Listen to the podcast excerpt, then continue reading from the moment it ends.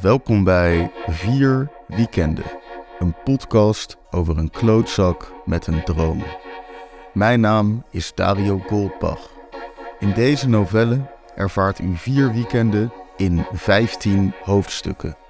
U bent aangekomen bij het tweede weekend, hoofdstuk 6.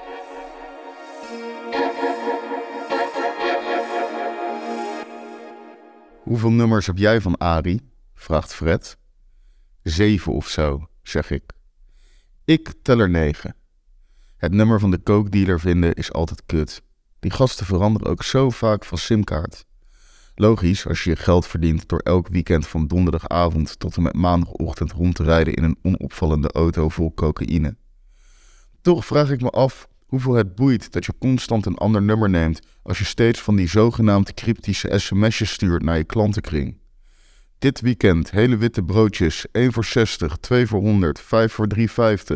Extra aanbieding, alleen vanavond, extra wit, nu 30 voor een halve. Topkwaliteit, gegarandeerd beste van Den Haag. 24 uur bereikbaar, groet Ari. Wie hou je met deze sms'jes voor de gek? Iedereen begrijpt toch wel dat dit over kook gaat? Kook, sos, snats, snuif, witte was, kabouterpost. Zijn mensen echt zo dom? Vooral een doorgewinterde rechercheur van de politie Haaglanden moet het toch wel kunnen ontcijferen. Leier. In ieder geval, van onze vaste witte brooddealer hebben we dus samen 16 telefoonnummers. We hebben ook wel nummers van andere dealers, maar Ari is Ari. Zijn kook is betrouwbaar. Heeft die jongen ook weer wat brood op de plank. Freddy en ik zitten samen op de bank te roken, bier te drinken en nummers te proberen. Niet in gebruik, niet in gebruik, niet in gebruik. Na wat geklungel ben ik het die uiteindelijk het juiste nummer te pakken heeft. Hallo, hoor ik Ari zeggen.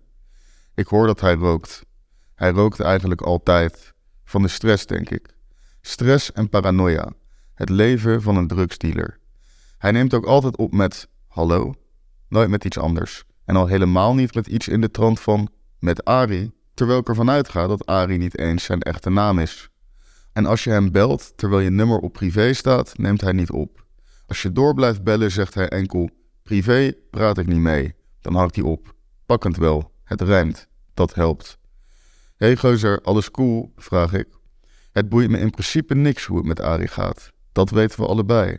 Maar je kan niet bellen en direct ter zake komen. Dat is verdacht of zo.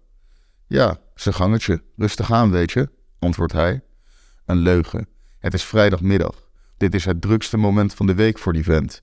Dit is kookspits. Lekker, lekker, goos, zeg ik.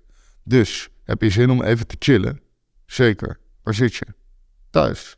Nog steeds daar bij Westeinde? Yes. Half uurtje, drie kwartier. Beetje druk. Ik zei het toch.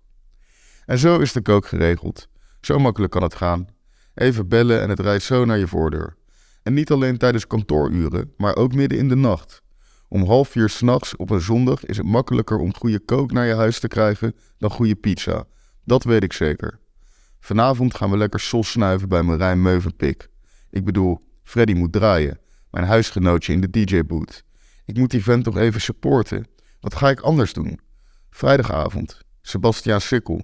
Vanavond is Freddy het talent en ben ik zijn manager. En ik zou geen goede manager zijn als ik geen kook voor mijn talent zou regelen. Kook is een echte DJ-druk.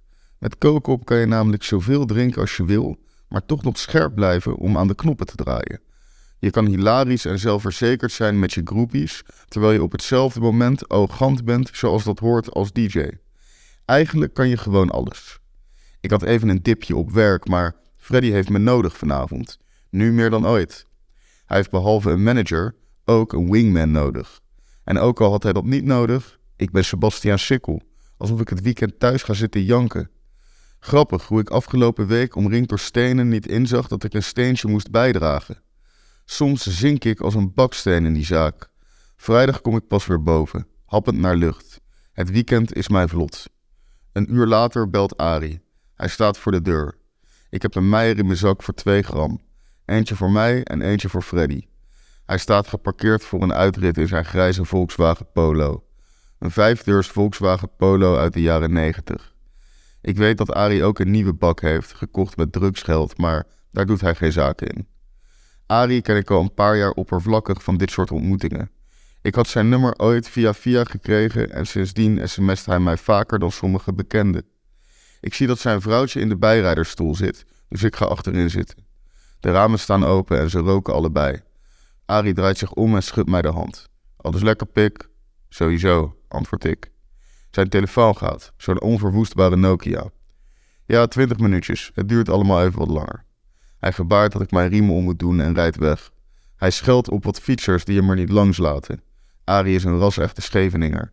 Kort haar, stekeltjes, sportschool, strak shirtje, accentje, lekker veel kankeren de hele dag. Een soort kweekvlees met een klein hoofdje. We gaan naar rechts de Torenstraat op. We rijden zo langs het politiebureau. Het lijkt hem weinig te doen. Maar ik zie dat hij toch constant oplettend is. Zijn ogen houden alle spiegels in de gaten. Die chick van hem zit er altijd naast. Weet niet eens hoe ze heet. Op papier is ze knap. Blond, klein, tieten, billen, maar ik vind het maar niks.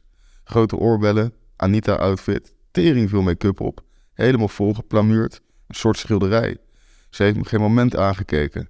Ze zit op haar telefoon en eet winegums. Zo'n zakje winegums dat ze duidelijk net bij een tankstation hebben gekocht. De auto ruikt naar rook en Red Bull, gemengd met de zoete snoeplucht. We zijn de politie voorbij en gaan de hoek om, de Prinsengracht op. Wat kan ik voor je doen? vraagt Ari. De ramen zijn inmiddels gesloten. Kan je een lekker prijsje maken voor twee hele? vraag ik in een poging nonchalant te zijn. Ik haat onderhandelen over drugs. Pitchen om 5 euro. Eigenlijk slaat het nergens op. Maar toch probeer ik het altijd. Beter dan tien tientjes wordt het niet. Ja, toch? Ondanks dat ik weet hoe het werkt, legt het stuk kweekvlees het altijd uit. Leg het geld in dat bakje bij de versnellingspook. Ik doe het. Twee vijftigjes. Hij kijkt even en frommelt het geld in zijn broekzak. Zijn hand glijdt ergens naast zijn stoel. Hij pakt twee witte ponypacks en legt ze in dat bakje. Ik pak ze en stop de kook in dat kleine vakje van mijn broekzak. Het enige geluid in de auto is het kreukelen van het zakje winegums. Ze eet alleen de paarse. We rijden langs het MCH. Hier moeten we naar rechts weer het Westeinde op. Dan stap ik uit en is de drugsdeal een succes. Zo makkelijk kan het gaan. Maar aan het begin van mijn straat staat een politieauto. Vlak bij het ziekenhuis, dus geen vreemde plek, maar Arie lijkt het niet te vertrouwen. We rijden een groter rondje, zegt hij. We volgen de lijnbaan, de brug over en stoppen voor het stoplicht. Arie's ogen wijken niet van de achteruitkijkspiegel. Niet omkijken, zegt hij op kalme, doch dringende toon. Ik zou niet durven. Er heerst een spanning in de auto. Die kop plamuur blijft met haar poot uit die zak snoep. Dat terwijl ik vanaf hier kan zien dat er nog paarse in zitten. Via de spiegel zie ik dat de politieauto een paar auto's achter ons is komen te staan. Kankerzooi, zegt Arie binnensmonds. Hij kijkt naar de overkant van het kruispunt, waar vanaf de Loosduisse weg nog een politieauto aankomt rijden. Door rood, naar links. Zo rijdt de auto voor ons langs, stapvoets. Ons stoplicht springt op groen en we kunnen niet anders dan naar rechts, achter de politiewagen aan. Dan gebeurt het. Stop. Politie. Knipperende lampen van zowel de auto voor als achter ons. We zijn ingesloten. Ik zit in een auto vol kook en sta op het punt gearresteerd te worden. Dit gaat niet goed. Dit gaat helemaal niet goed. Loopt alles nou in de soep? Ik ben wel vaker in de boeien geslagen, maar dat was voor een van veertjes seksuele spelletjes. Dit is totaal anders. Dit wil ik niet. Ari mindert snelheid. De agenten ook. Zo makkelijk kan het dus gaan. Ari's vies gespierde arm graait onder zijn stoel en pakt een zwart sporttasje. Hij geeft hem aan die meid. We gaan zo rijden, dan mik je die tas de sloot in. Hoor ik dat nou goed? We gaan het bewijs vernietigen en op de vlucht? Voor ik kan bedenken of ik liever word opgepakt voor drugshandel of voor drugshandel, negeren van stoptekens en verdoezelen van bewijs met een piepkleine kans om er onderuit te komen, trapt Ari het gas in. Piepende banden. Behendig stuurt hij de Volkswagen Polo om de politieauto heen die voor ons bijna tot stilstand was gekomen. We racen langs het water en het plamuur gooit de tas. Slechte worp. De tas haalt het water niet. Lang niet. Godverdomme. Mijn hart klopt in mijn keel. Ik wil hier niks mee te maken hebben. Alles wat ik wilde was een lekker puntje voor de neus op de vrijdagavond. Even relaxen na een week op de zaak. Maar dit is verre van relaxed. Dit is alles wat ik niet wil. Ik ben overgeleverd aan de rijkunsten van deze doorgesnoven Scheveninger. De politie is niet ver achter ons. De sirenes loeien. Het voordeel is dat alle auto's uit de weg gaan en ook wij vrij spel hebben. We boeken over de Walding Piermontkade met twee auto's achter ons. Kankerjoden, schreeuwt Ari terwijl we van rechts nog een auto met zwaailichten aanzien komen. Nu is het klaar. Dit is het einde. Agressief stuurt de Scheveninger de auto naar links de Weimerstraat in. Hij remt voor de scherpe bocht die volgt bij het Koningsplein. Winegums vliegen door de lucht en dat viswijf gilt. Bam, tegen een paal. We staan stil. De sirenes naderen. Ik zie Ari zijn riem losmaken en ik doe hetzelfde. Voor ik het weet zijn we alle uit de auto. We rennen. Ari één kant op. Zij en ik een andere. Ik ren sneller. Gelukkig blokkeert onze gecrashte auto de weg. Ik hoor de sirenes vlakbij zijn. Stoppen! Nu! schreeuwen ze. Al rennend kijk ik achterom en zie dat de agenten te voet haar al te pakken hebben. Kankerzooi, blijf van me af, hoor ik achter me. In de commotie met die tegenstribbelende emmer plamuur boek ik een voorsprong. Ik ren een straat vol partiekwoningen in. Ik sprint de longen uit mijn lijf, maar ik merk dat ik het niet veel langer vol kan houden met die doorgerookte longen van me. Als ik achterom kijk, zie ik nog geen agenten. Ik glip een portiek in. Het is mijn enige optie. Als ik blijf rennen in deze lange rechte straat, gaan ze me zien. Dan weten ze waar ik heen ga. Nu verdwijn ik. In het portiekje zijn vier voordeuren. Ik glip het kleine hoekje om en pers mij zo dicht mogelijk de schaduwen in. Ik kan de straat nog net zien. Dit betekent dat je mij vanaf de straat ook nog net kan zien. Ik moet een ander portiek zoeken, een dieper portiek, maar het is te laat. Ik kan hier nu niet meer weg. De politie is deze straat zeker al ingerend. Als ik dit portiek verlaat, dan geef ik mezelf over. Maar als ik hier blijf, word ik zeker gespot. Ik zit als een rat in de val. Het is allemaal voorbij. Ik hoop vanuit het diepst van mijn ziel dat ze langs rennen en mij niet zien, zich realiseren dat ik enkel een klant ben de zoektocht staken. Ik kan niks anders doen dan wachten. Opeens denk ik aan de consequenties van gepakt worden. Wat gaan ze met me doen?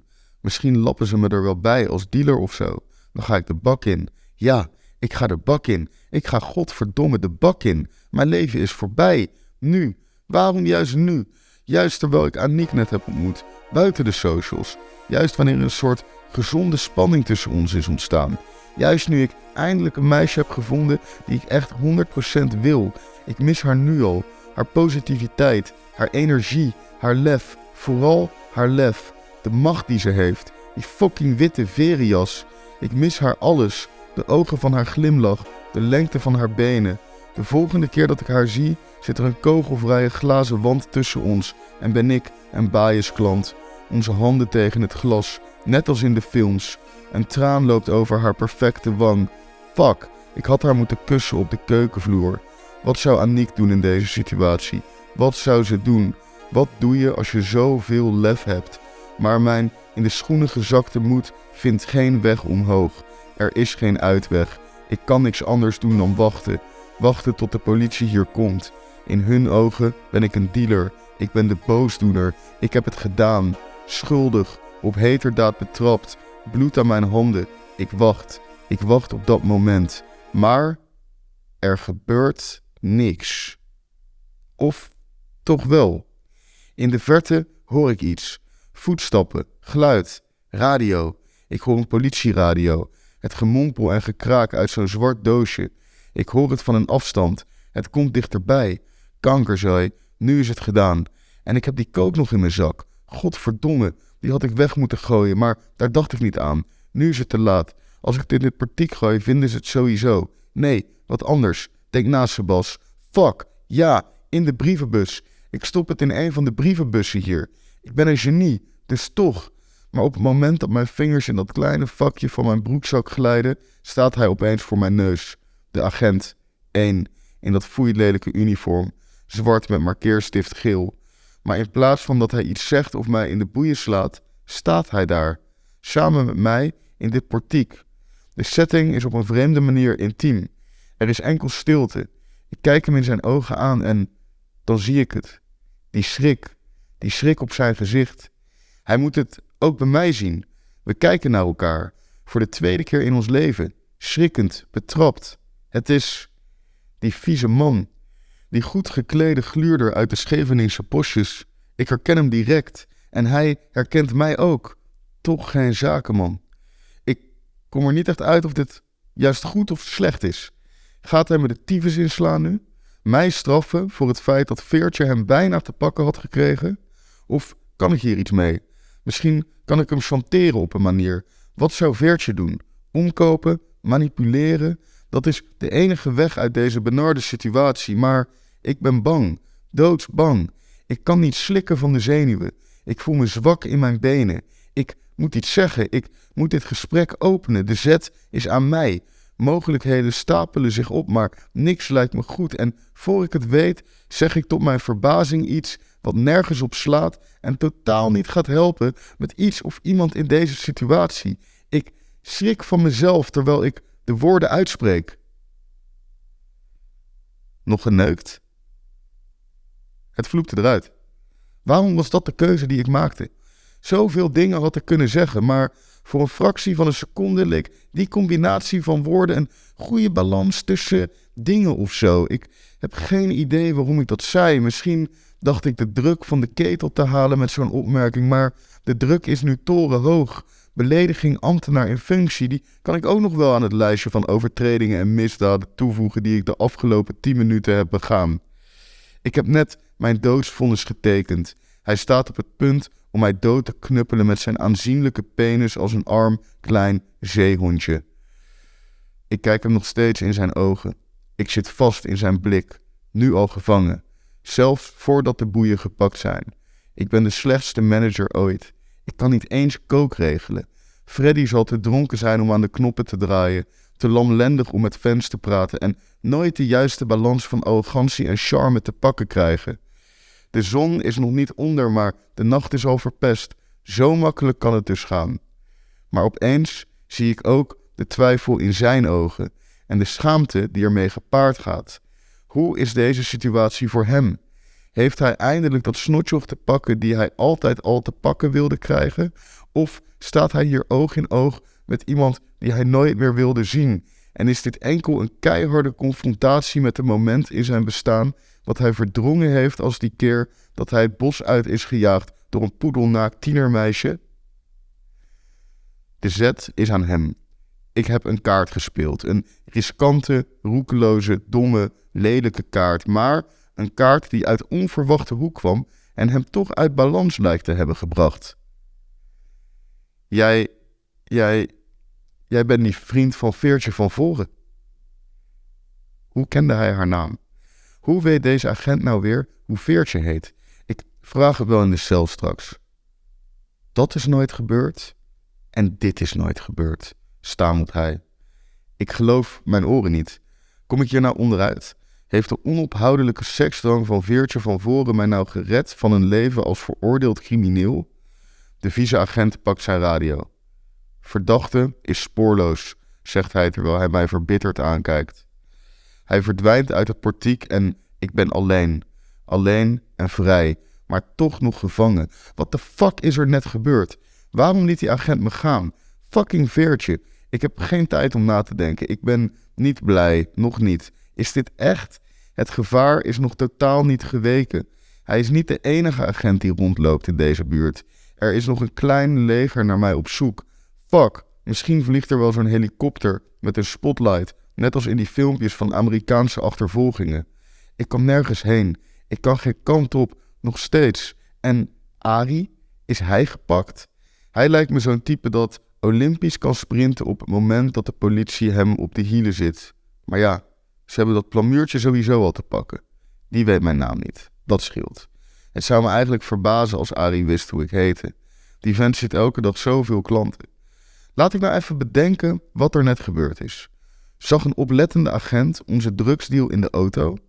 Dat lijkt me erg sterk. Ik bedoel, de hele bedoeling van dat leg het geld in het bakje gedoe is dat de transactie onder de ramen van de auto blijft en je het vanaf buiten eigenlijk amper kan zien. Ook was er opeens die politieauto die door rood reed en voor ons langs ging.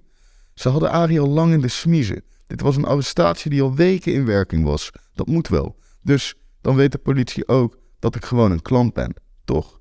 Ik ben niet interessant voor ze, toch? Zo moet het maar zijn.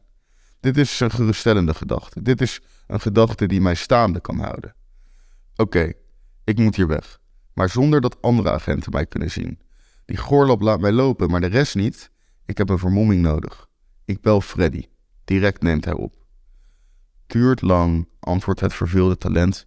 Niet nu, Fred. Ik kan je echt niet alles uitleggen nu, man. Ik, Heb je zo mijn locatie? Ik heb die felgele jas van je nodig en misschien een muts of zo. Ik fluister. Gaat alles goed? Spring nou maar op die hippe fiets voor je. Elk geluid wat ik hoor is er één te veel. Ik blijf mezelf die hoek inproppen, ook al heeft ervaring al uitgewezen dat het niet helpt. Maar toch, ik voel me veiliger op die manier. Vijftien lange minuten rook ik gestrest in het portiek. Twee peuken, achter elkaar. Freddy is mijn held, mijn redder, mijn Marokkaanse messias. Hij komt aanfietsen en pakt die jas uit zijn rugtas. Ik wissel hem voor de mijne en verstop mijn mat onder de muts. Zo, onherkenbaar, hoop ik. Was er veel politie in de buurt? vraag ik. Niet echt. Wat een opluchting. Dit verhaal lijkt een happy ending te krijgen. Misschien is de nacht toch niet in het water gevallen. Het is onderhand aan het schemeren en Freddy en ik lopen naar huis. Dit zijn de momenten dat ik het haat dat zijn fiets geen achterop heeft. Ik ben nog steeds nerveus. Ik durf nog niet te vertellen wat er net gebeurd is in de angst dat iemand iets opvangt van het verhaal en een link legt met iets of de politie belt. Stress en paranoia. Het leven van een weekendjunk. We zijn via de Elandstraat gelopen. Best een eind, dit stuk. De toenemende duisternis doet mij goed. Ondanks dat het afkoelt, voelt het steeds warmer. Een soort deken van slecht zicht omringt ons. Onderweg spreken we weinig tot niet. Zelfs wanneer we onze voordeur binnenstappen, is het stil. We lopen de trap op en komen de woonkamer binnen. Ergens ben ik bang dat er een rechercheur op onze bank zit, maar dat is verre van waar. De woonkamer is leeg, op een zooi bierblikjes en volle asbakken na. Ik voel me opeens op mijn gemak. En dan barsten we los in geschreeuw, gejoel en geknuffel. Wat de fuck is er met jou gebeurd, gast? schreeuwt Fred. Ik pak drie biertjes uit de koelkast, gooi er één naar Fred, at er eentje en open de andere. Gast, wat ik net heb meegemaakt. Ik vertel het verhaal in detail, van het viswijf tot die politie bij het ziekenhuis, tot de achtervolging, tot de botsing, tot het vluchten, tot die goorlap. Tot die fucking goorlap. Mijn redding uit onverwachte hoek. Ik laat alleen weg dat de agent Veertjes naam kende. Om een of andere manier lijkt het me beter dat achter te houden, tot ik er het fijne van weet. Freddy heeft hangend aan mijn lippen staan luisteren, poeslief slokjes bier nemen zonder mij te onderbreken. Als ik uitgesproken ben, is hij even sprakeloos. Dan omhelst hij me. We proosten, we lachen, we juichen. En dan pak ik de ponypacks uit mijn zak en gooi ze op tafel. Freddy kijkt me met grote ogen aan. Je hebt de kook nog? roept hij uit. Daar gaan we, Freddy. Vannacht is nu al legendarisch. Vier weekenden is geschreven en voorgelezen door mij, Dario Goldbach. De novelle is origineel uitgegeven door People in Print van Haags cultuurbordeel Pip. De muziek is door Shamsuddin. Mijn literaire debuut, De man die alles had, verschijnt op 13 juni bij de Arbeiderspers. Blijf op de hoogte via de Insta Dario Goldbach. Bedankt voor het luisteren.